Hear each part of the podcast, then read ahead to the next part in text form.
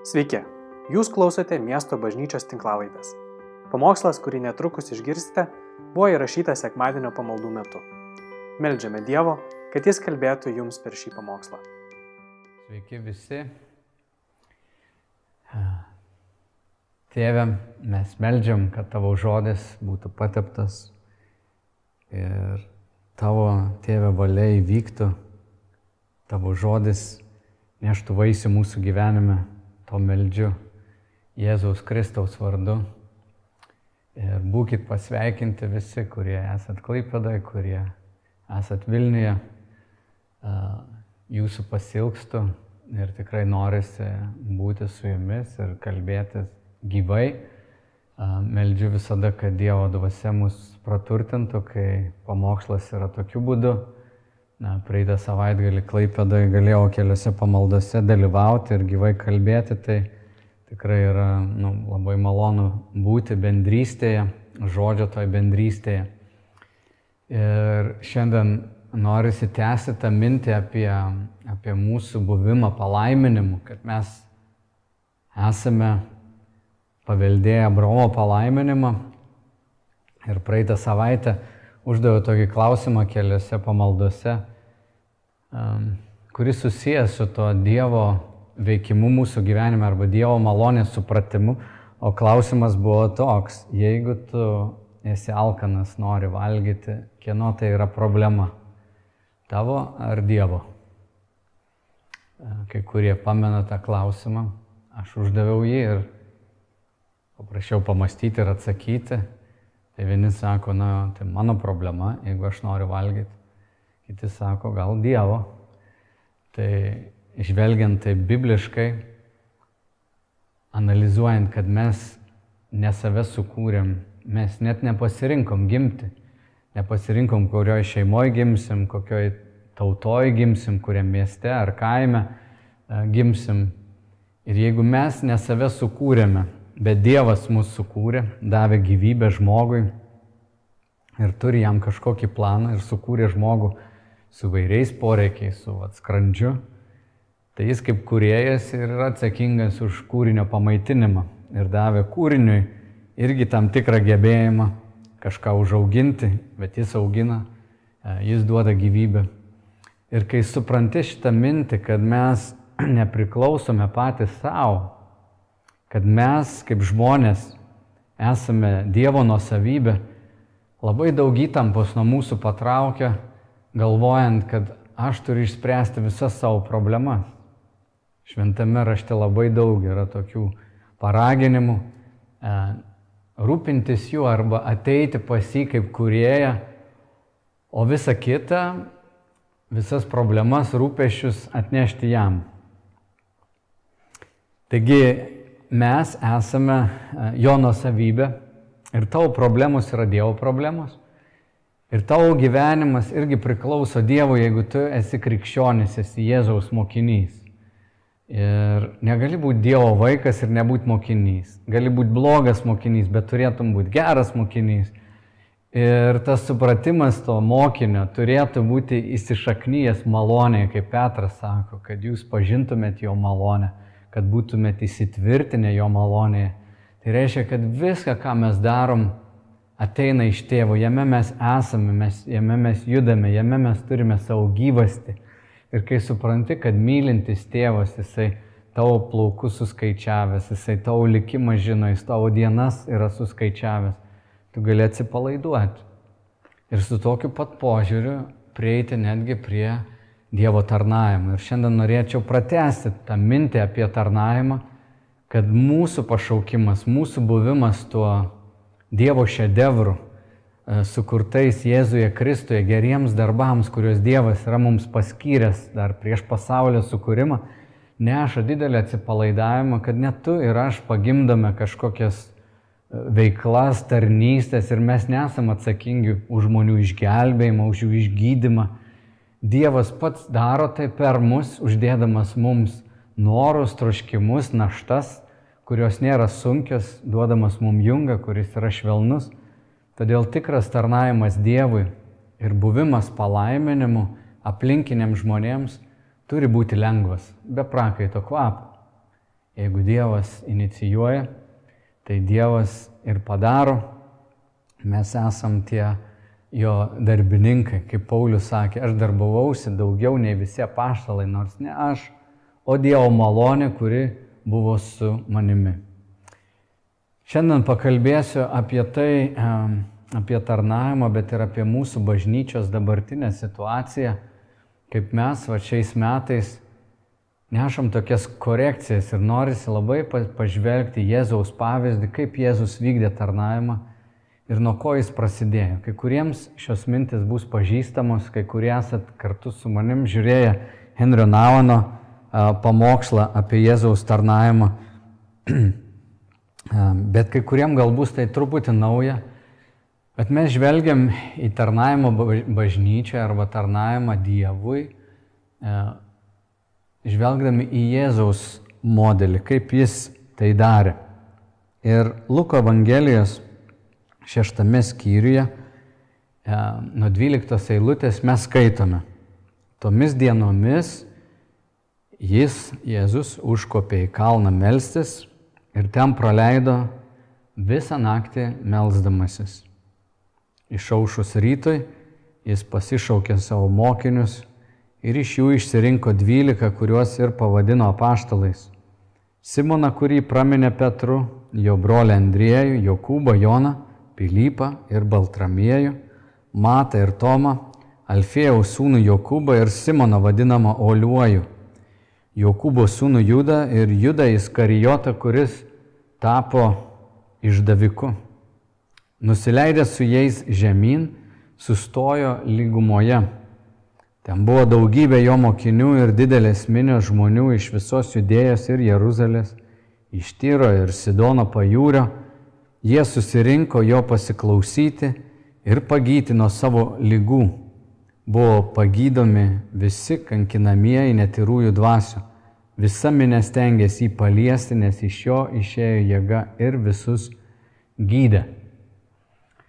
Taigi mes matom tą Jėzaus būdą, kaip jisai leidosi į tarnystę. Dažnai bažnyčioje ir evangeliškose bažnyčiose mes labai vertinam tarnavimą ir kartais tikrai norim matyti tos rezultatus, norim, kad žmonės ateitų, kad jie pagytų, kad jie atsiverstų, kad jų gyvenimas susitvarkytų. Bet kelionė iki to prasideda nuo lipimo į kalną. Mes čia skaitome, kad Jėzus užkopė į kalną melstis ir ten praleido visą naktį melzdamasis Dievui. Taigi tarnavimas Dievui prasideda lipimu į kalną ir prasideda buvimu su Dievu. Vienas ant vieno su Dievu, akis į akį. Jėzaus tarnystės pamatas buvo ta gili bendrystė, kurią jisai turėjo su tėvu. Žinom, kad Jėzus praėjęs dykumą išėjęs iš jos ir pakrikštytas išgirdo iš tėvo tuos žodžius, tu esi mano mylimas sunus, kuriuo aš geriuosi. Šiandien aš nežinau geresnės vietos, kur galėčiau patirti meilę, patirti paguodą, minčių sustigavimą, kažkokį susivokimą savo gyvenime, kur einu, netgi savęs paties pamatymą kaip tik toj vietoj prie uždarytų durų vienumoje su tėvu e, maldos kambarėlį. Jėzus kalno pamokslė sako, kai meldiesi eik į savo kambarėlį ir užsirakinęs duris, melski savo tėvui, kuris yra slaptoje, o tavo tėvas, regintis slaptoje, tau atlygins viešai. Taigi, ką aš noriu nupiešti šiandien, tai yra, kad mūsų tas buvimas čia yra tėvas, kuris nori su mumis susitikti. Jėzus užlipo į kalną ir praleido laiką su tėvu. Jėzui tai buvo pats brangiausias laikas. Jėzui tai buvo pačios brangiausios akimirkos Nes, manau, niekas kitas taip negalėjo suprasti Jėzaus kaip tėvas. Jėzus apie tėvą pasakė, aš ir tėvas esame viena. Aš nedarau nieko, ko negirdėčiau, ką tėvas man sako ir ką jisai daro. Aš darau tai, ką tėvas daro. Jono Evangelijoje yra daug nuorodų apie tai. Taigi šitas susitikimas su tėvu, buvimas su tėvu turėtų būti kiekvieno krikščionio, kiekvieno tikinčiojo pradžios taškas. Iš tikrųjų tai yra tėvas ir Jėzus ir šventoji dvasia, kuri mus patraukia prie savęs. Žmonės mūsų neišgelbėja. E, bažnyčia mūsų neišgelbėja. Tai yra tėvas, kuris išsirinko mus prieš pasaulio sukūrimą ir jis pakviečia. Jis pritraukia. Jis yra tas, kuris um, įvairiais ženklais mus atveda. Tai yra šventoji dvasia, kuri kaip vėjas ateina į žmogaus gyvenimą. Tu nežinai, iš kur vėjas atėjo ir kur link nuėjo. Tu tik matai kažkokį virpesi medžio šakose matai e, pašiauštą jūrą, matai e, kažkokius ženklus judančią žolę, bet tai nėra visiškai taip suprantama ir matoma. Ir panašiai yra su kiekvienu gimusiu iš dvasios. E, Dievas pavydžiai trokšta mumise esančios dvasios, jo dvasia trokšta tos dvasios. Ir aš ką noriu pasakyti, kad mes niekada, kaip Augustinas sakė, nerasim polsio, kol netras mūsų širdis atilsiu jame, Dieve. Nėra kitos vietos tau ir man, kur mes galėtumėm patirti visą tai, ko mums labiausiai reikia. Iš tiesų niekas pasaulyje net negali mums suteikti to, ko mes labiausiai trokštam. Nėra, kur širdis galėtų atrasti polsio vietą.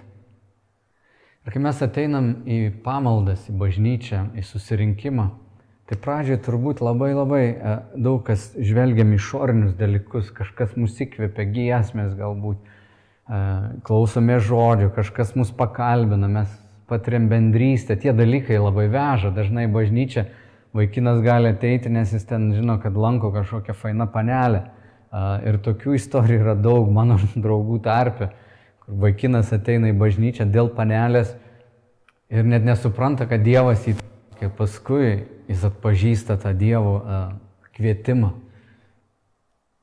Bet mūsų tikėjimo kelioniai ir ypač ilgalaikiai kelioniai, ypač kai Dievas jau mus nori vesti kažkokią tarnystę, nori vesti į tokią vietą, kur mes tikrai tampam palaiminimu, tam, kad mes neprarastumėm Dievo palaiminimu, tam, kad mes nedalintumėm žmonėms pelenų ir smėlio, bet atneštumėm vaisius, mūsų šaknis, mūsų gyvenimas turi turėti tą regulą, tokį gyvenimo sudėliojimą, kur tėvas ir susitikimas su juo yra mums pirmoji vietai. Grigalius, vienas iš popiežių, šeštame amžiuje, kai kalbėjo apie Dievo vyrus ir konkrečiai jis kalbėjo apie Benediktą, jis užsimena ir apie šventuosius, sakydamas, kad šventieji vyrai pažįsta viešpaties mintį tiek, kiek būna su viešpačiu. Mat visi, kurie yra atsidavę, seka viešpatį. Dėl atsidavimo yra su Dievu. Taigi jie žino slaptus Dievo sprendimus tiek, kiek su juo yra susivienyje ir nežino tiek, kiek yra nuo jo atsiskyrę. O kadangi dar tobulai neįsiskverbė į Dievo paslaptis, jie liudija, kad Dievo sprendimai nesuvokiami. Mat jie tiesiog prilimpa sielą prie Dievo ir prilipę iš šventojo rašto posakių ar slaptų apreiškimų pažįsta tiek, kiek gauna. Tai jie žino ir skelbia. Taigi sprendimų, kuriuos Dievas nutyli, nežino, o ką Dievas pasako, žino. Esmė tokia, kad mes ne vienas negalėsime duoti kitiems Nebent tai būtų tiesiog mūsų pačių kažkokie pagudravimai ar, ar, ar troškimai ar norai kažką ten duoti, kartais gal net mūsų ego puikybės vedami. Bet kas tikra ateina iš Dievo, ateina per buvimą su Dievu. Todėl mum, kaip bendruomeniai, bažnyčiai, miesto bažnyčiai, visi, kas esame bažnyčiai ir ragaujame bendruomeniškumo tą gėrį, mes turime būti su Dievu, susitikimas su Jėzum ryte, dieną, vakare turi būti tavo prioritetas, jeigu tu nori būti Dievo naudojamas. Jeigu tu nori būti naudingas visagalio rankoje. Jeigu tu nori kažką iš Dievo atnešti kitiems, kas nebūtų tiesiog tavo geros mintis, tavo vien ketinimai, bet Dievo dvasios dovanas, visa tai turi ateiti iš paties Dievo. Jėzus yra pasakęs Jono Evangelijoje, kai jis kalbėjo su moterim Samarietė, jisai pasakė, kiekvienas, kas geria šitą vandenį, vėl trokš, o kas gers vandenį, kurį aš jam duosiu, tas nebetrokš per amžius. Ir vanduo, kurį jam duosiu, taps jame versme vandens trykštančio į amžinai gyvenimą. Ta vieta, kai mes pasimaitinam, kai mes pabūnam su, su Jėzumi, pastato mus ant tokio pamato, kur tampame laisvi nuo žmonių, nuo žmonių pagirimo ir nuo žmonių papeikimų. Mes atrandame paguodą, stiprybę, viltį, kad galime išeiti į pasaulį ir išeiti į bendruomenę, būdami jau laisvi nes laisvę paragavom iš paties Dievo. Taigi Jėzus tomis dienomis jis užkopė į kalną melsis ir ten praleido visą naktį. Ta žodis naktis, žinoma, buvo ir tiesioginė prasme naktis, bet dar labiau jums, kurie einate galbūt per naktį šiuo metu. Šventoji dvasia dažnai naudoja tamsą mūsų gyvenime, į kurią patenkam kažkokį sumišimą, išdžiūvimą tam, kad pritrauktų mus arčiau tėvo. Ir pagundimas tau ir man visada bus pulti kažkur pa žmonės ir bandyti atrasti tai pas kitus. Gal kažkas paguos, gal kažkas pasimels, gal kažkas man duos. Aš pastebėjau savo gyvenime, kad tamsiausiamis akimirkomis tėvas labiausiai ir norėjo mane pritraukti prie savęs. Jis yra mūsų priebėga, mūsų uh, tvirtovė, mūsų buveinė vienintelė vieta, kurioje mes esame visiškai, visiškai saugus. Bet toliau, a, išaušus rytui, jis pasišaukė savo mokinius ir iš jų įsirinko dvylika, kuriuos pavadino paštalais. Tik pabuvę saugioj buveiniai su Dievu, mes galėsim jaustis saugus ir galėsim eiti į santykių su kitais. Mes bažnyčiau prieš porą metų tai pradėjom triadas vyresnieji, kur būnam tiesiog su keletą žmonių, kurie yra mūsų gyvenime ir mes judam su jais, esam trysia. Jėzus, Jėzus turėjo Petrą, Joną ir Jokūbą, kurie buvo arti jo. Ir gal nesvarbu, čia trys ar keturi žmonės, bet tas artimiausias ratelis į kurį Jėzus įeina. Kitas ratas mes matom yra ir dvylika. Jisai pasišaukė ir kitus. Ir tuos žmonės pasišaukęs, jis sako, jūs būsit mano pasiuntiniai. Jėzus nepradeda tarnauti vienas. Jis išeina į misiją, bet išeina į misiją su grupe. Ir mes neturėtumėm nei vienas išeiti tarnauti Dievui po vieną.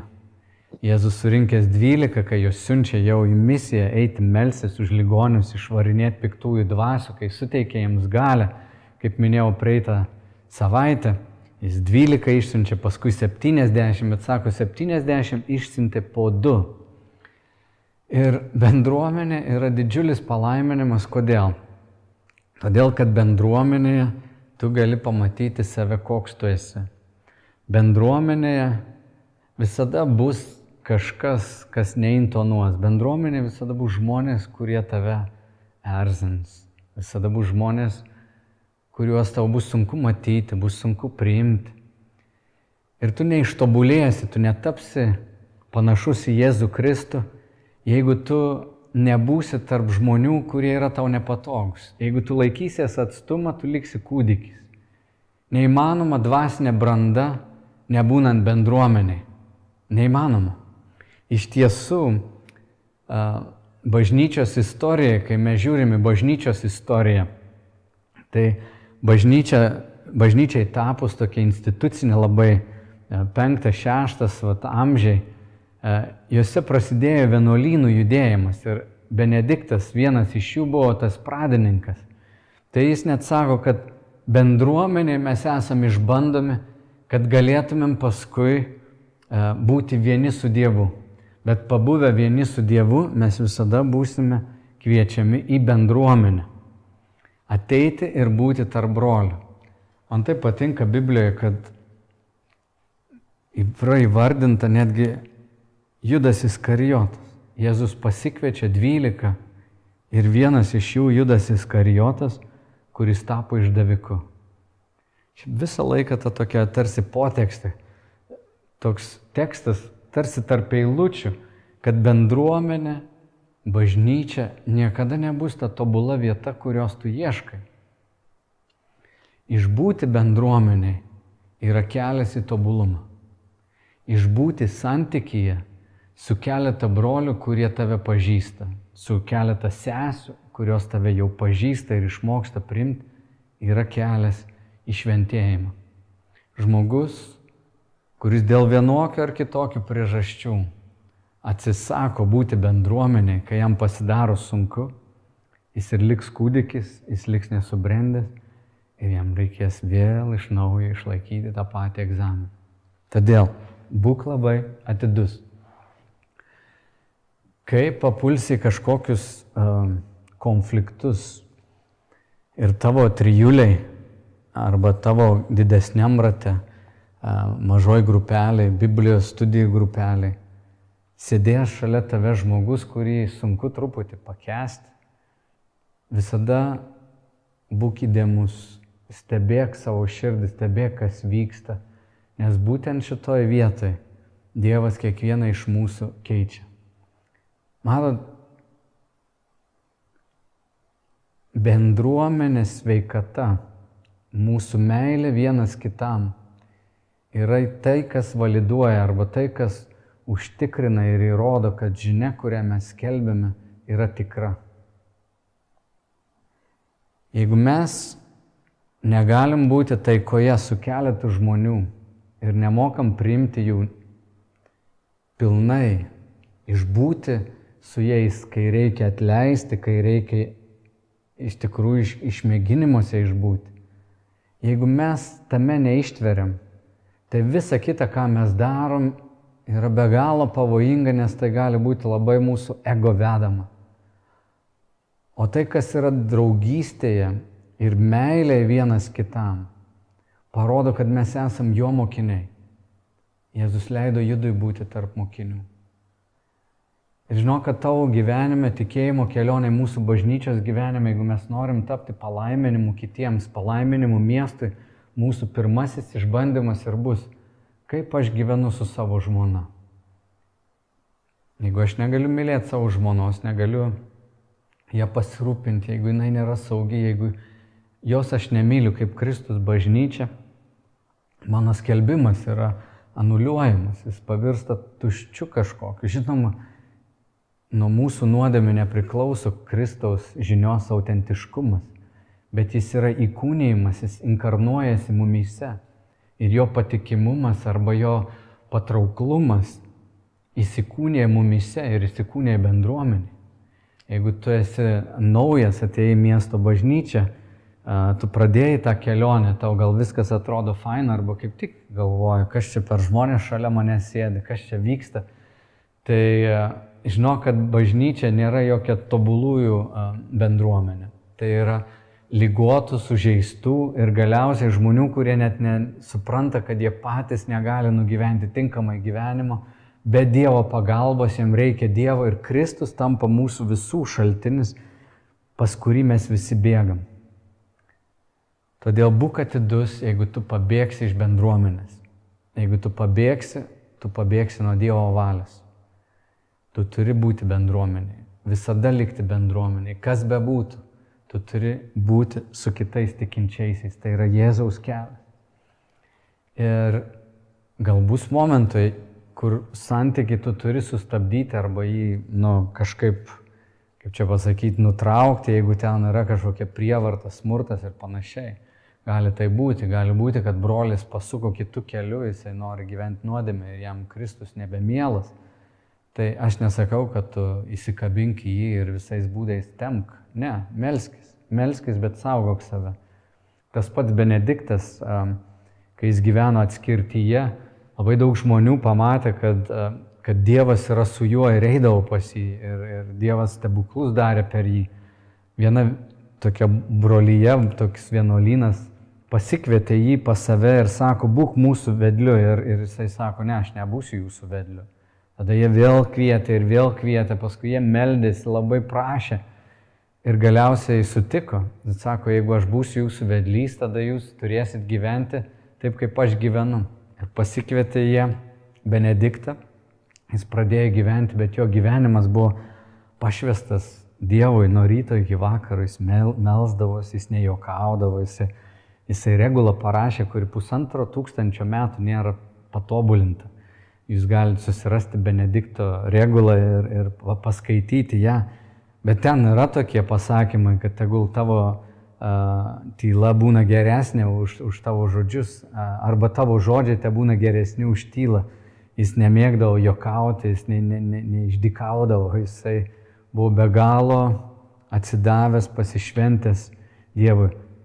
Praėjus keletai mėnesių tie broliai pamatė, kad jie nebegali gyventi kaip anksčiau gyveno. Benediktas jiems pasidarė labai nebepatogus. Jie, jie labai nervinosi ir galvojo, ką čia daryti. Ir tu gal nepatikėsi, bet jie iš tiesų susimanė visi kartu nunuodyti Benediktą. Ir į gėrimą jie pripylė nuodų. Ir kai susėdo prie pietų stalo, Benediktas visada dėkodavo, bet tą kartą Čia tas pats Grigalijus, aš skaičiau, popiežius, kuris pažinojo Benedikto mokinius, rašo, čia praėjus visai nedaug metų, rašo, kad tą dieną Benediktas peržegnojo arba kryžiaus ženklą padarė tam gėrimui ir kai jis tai padarė, tas indas suskilo.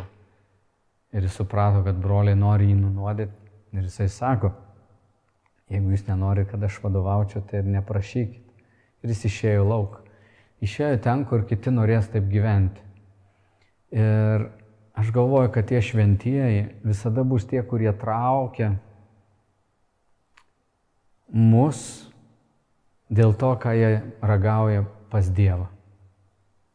Bet šventieji visada bus tie, kurie nulips nuo kalno ir ieškos bendruomenės, kad galėtų nešti palaiminimą. Žinau, kaip mes kaip bažnyčia tapsim palaiminimu miesto, kiekvienas savo srityje, kai Jėzų ragausim, kai visi žinosim, kad esam toj pačioj misijoje, skelbti maloningųjų viešpaties metų, melsis už ligonius, kad pavergtieji būtų išvaduoti, kad aklieji praregėtų, kad sudužusios širdis būtų pagydytas, kai mes būsim visi kartu misijoje. Aš nekalbu apie pamaldų lankymą, aš kalbu apie tai, kad mes visi pagauti misijos einam tarnauti, nes išmokom irgi bažnyčiai, bendruomeniai gyventi kartu. Mes net e, tas mažasias pamaldas tokias, sakom, galbūt 30 žmonių gali būti geras skaičius, kur mes vienas kitą pažinsim. Nėra čia jokios tokios magijos tame 30 žmonių. Uh, magijos, ne, neturiu omeny magijos, aš, ta prasme, Čia nėra užkoduotas kažkoks slaptas labai kietas skaičius arba šitie skaičiai. Bet galvoju, kad 20 žmonių pamaldose, kuriuose aš buvau su 8 žmonėm ar 15, išgyveni tai, ko neišgyveni su 40 ar 70. Ir man atrodo, kad toks e, mažesnis burelis, kur mes pažįstam vienas kitą ir jau pradedam atpažinti, kas kuo gyvena, girdim vienas kito liūdėjimus, yra labai stipru. Tai yra stipru, nes mes pradedam nešioti vieni kitų naštas. Žinot, aš savo prote matau, kad miesto bažnyčia ateityje bus daug, daug tokių mažų bendruomenių, bet mes visi esam viena bažnyčia. Net ir dabar galvom, kad čia manoje, kas sėdite mūsų bendruomenės namuose Klaipėdoje, mes netelpam šitam pastate ir nesinori galbūt čia tiek tų pamaldų turėti visą savaitgalį, ir kartais vakare net netaip gal patogu kažkam ateiti. Aš kovo, mes turime eiti į garždus, turime eiti į, į kitą klaipėdos kraštą. Ir tie ganytojai, tie žmonės, kurie prisirišę prie Jėzaus, kurie nori vykdyti jo misiją ir aplink juos būrėsi kiti mes vyresnieji, bažnyčios norim būti irgi pavyzdys, norim kviesti kitus, visi, kurie vat, pasijungia dabar į tas ganytojų komandas, norim ir eiti, kad tų pamaldų atsirastų arba tokių vat, mažų bendruomenėlių atsirastų daugiau. Ir mes tokiu būdu išeinam į misijas. Bilis Grėmas, didysis evangelistas praeito šimtmečio, sakė, geriausia evangelizacija yra bažnyčių steigimas, jų kūrimas, kaip steigėsi bažnyčia. Kažkas būna su tėvu, pajunta, kad tėvas uždėjo jam naštą dalintis, Jis ateina į bendruomenę, būna su kitais, kur išgyvena tą gilų meilės, tokį jausmą, iš tikrųjų pradeda rūpintis, broliai rūpinasi vienas kitu, atvirauja, gali išpažinti savo nuodėmes, išmoksta melstis kartu, ragauja Kristų tarp jų, būdami tokioj grupiai, gali išeiti ir steigti kitas bendruomenėlės. Ir čia jau yra tarnystė. Jėzus nulipęs nuo kalno susirenka dvylika O paskui, sako, nusileidę su jais žemyn, stojo lygumoje. Ten buvo daugybė jo mokinių ir didelės minios žmonių iš visos judėjos Jeruzalės, iš Tyro ir Sidono pajūrio. Jie susirinko jo paklausyti ir pagyti nuo savo lygų. Tai yra mūsų misija. Manau, kad mūsų ateitis ir mūsų bažnyčia gali aukti, tas skaičius uh, gali būti Nežinau, koks, kiek Dievas duos iš savo malonės, mes sakom, kaip būtų nuostabu matyti tūkstančių atkurtų gyvenimų bendruomenę. Tegu būna dešimtis tūkstančių, šimtas tūkstančių. Kiek Dievas duos iš savo malonės, kiek duos mums apriepti. Bet šiai dienai aš matau, kad mes tos mažos bendruomenėlės esame vienos bažnyčios dalis, bet turime būti tame pajutime, kad mes esame misijoje. Ir jeigu anksčiau miesto bažnyčia mes taip matėm, kad susirinkimas kartu ir kai mes būnam vis ten kartu ir patiriam Dievo buvimą, ir čia ateina draugai, pažįstami, nepažįstami, jie paragauja kažkaip, jie įeis į tą vidų, vat, iš, to, iš čia pajudės čia. Tačiau aš pervertinu ir savo kaip pastoriaus tarnystę ir aš matau, Dievas atrodo nori vesti va taip, Jisai veda į išorę, į išorę, į išorę, bet veda su tais, kurie nori būti kartu su mumis. Ar čia yra kažkoks stebuklingas toks dalykas, kad tikrai mums viskas pasiseks ar įvyks, mes esam kelionė. Būk kantrus, aš nežinau, kaip tai atrodys, kaip tie pašaukimai atsiras. Kur yra tie mūsų šventieji, 21 amžiaus šventieji? Kur yra tas brolis mūsų tarpe, kurio gyvenime Dievas taip ryškiai matomas veikia, kad mus traukia ir sakoma, kaip tu bendrauji su tėvu, kaip tavo diena atrodo, kur mes ne į žinias kreipiam dėmesį, bet kopijuojam ir patį Jėzaus gyvenimo būdą. Ir patys mokomės taip gyventi ir sakom, kaip Paulius, sekite manimi, kaip aš seku Kristumi, gyvenkit. Jisai Timotėjai rašo, tugi matei mano gyvenimo būdą. Kolosiečiams jis rašo, jūsgi matėt, kaip aš gyvenau. Korintiečiams sako, jūsgi žinot mano gyvenimo būdą, kaip aš tarp jūsų gyvenau. Ir taip turi būti bažnyčia, kad mes mokomės vienas iš kito. Mes mokomės iš to net gyvenimo būdo. Žinai, jeigu telikas ar ten kažkokie hobiai ar, ar, ar, ar dar kiti dalykai yra mūsų gyvenimo centre ir Mes dirbam tam, kad pirktumėm daiktus, kurių nereikia mums, e, kad atrodytumėm ir patiktumėm žmonėms, kurie mums nepatinka. Tai e, varganas čia gyvenimas.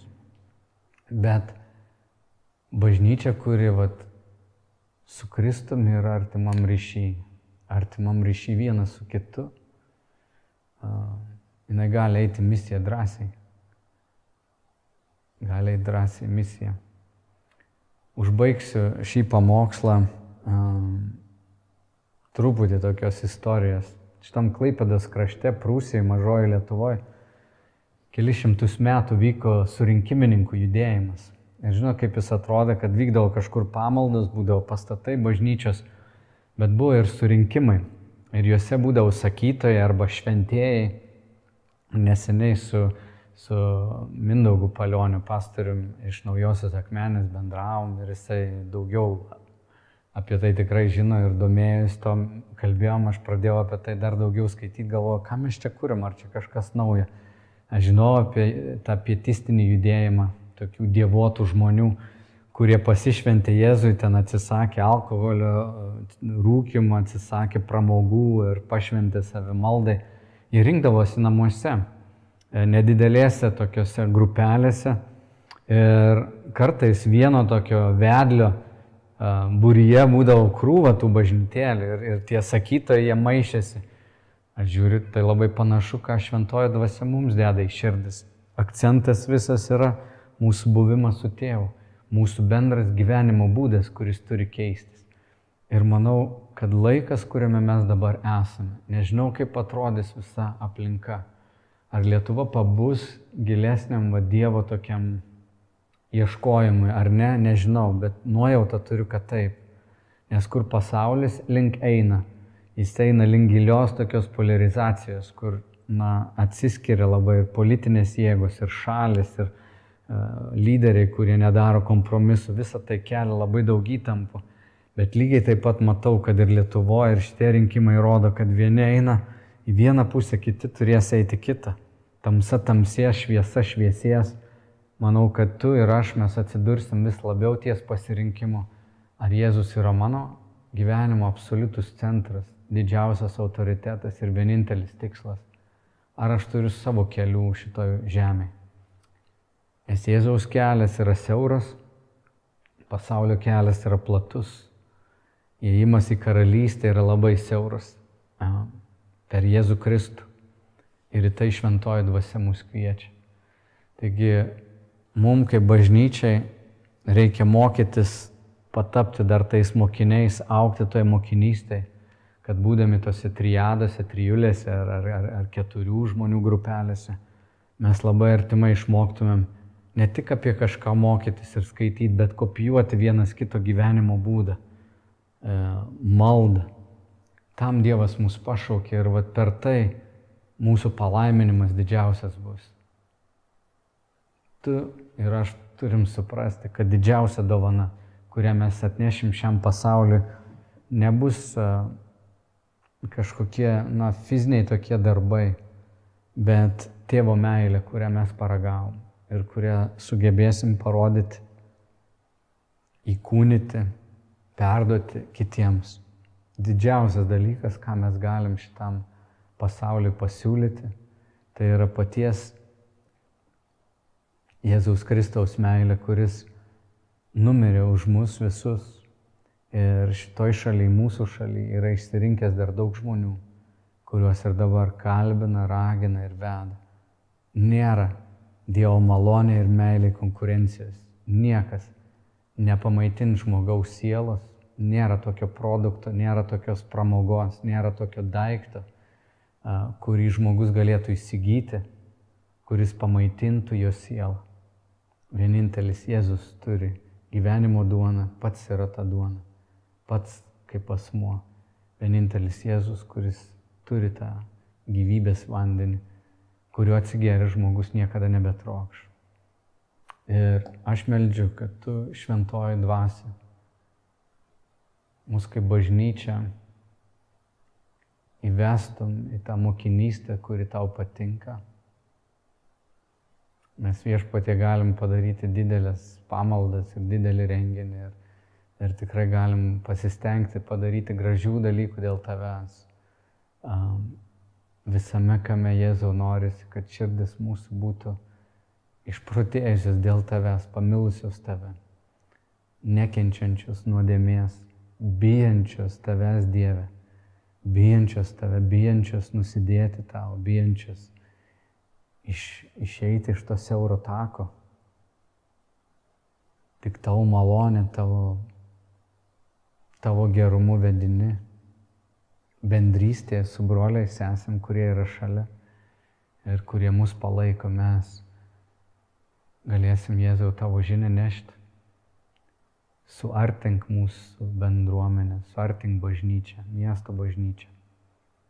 Ir kai žmonės ateis iš išorės kažkur į mūsų gyvenimus, kad jie visų pirma paragautų tavo meilės, kurią mes paragavom, kad mes būtumėm tie elgetos, kurie radom duonos ir pasakojom kitiem elgetoms, kur rasti duonos, bet mes neturim duonos, tu ją turi, tu esi gyvybės duona.